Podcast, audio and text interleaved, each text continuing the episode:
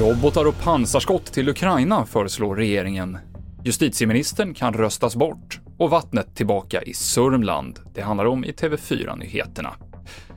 Sverigedemokraterna väcker misstroende mot justitieminister Morgan Johansson. Man vill alltså att Johansson ska tvingas bort från sin post. Moderaterna, KD och Liberalerna säger alla att man också stöder en misstroendeförklaring. Nästa vecka kommer riksdagen rösta i frågan och en majoritet, alltså minst 175 av ledamöterna, måste rösta för en misstroendeförklaring för att ett statsråd ska tvingas avgå. Regeringen vill att Sverige ska ge mer vapen till Ukraina, sa försvarsminister Peter Hultqvist på en pressträff idag.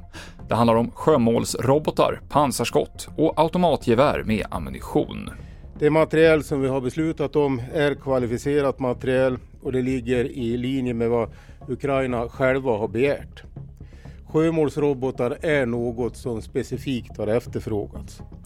Och Robot 17 det är ett mycket kapabelt system som kommer att bidra till att öka Ukrainas förmåga att slå tillbaka mot Rysslands olagliga och oprovocerade invasion. Annika Jankell och Anna-Charlotta Gunnarsson tar över det klassiska programmet Melodikrysset i P4 efter Anders Eldeman, som i veckan meddelade att han slutar efter 26 år.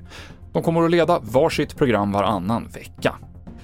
Och skolor har hållits stängda och planerad vård ställdes in i Nyköping och Oxelösund idag på grund av en omfattande vattenläcka. Men nu är läckan hittad, säger Nyköpings kommun till SVT, och vattnet är tillbaka i centrala Nyköping och hela Oxelösund. Men trycket kan variera och man uppmanar allmänheten att koka vattnet. Fler nyheter hittar du på tv4.se. I studion idag Mikael Klintevall.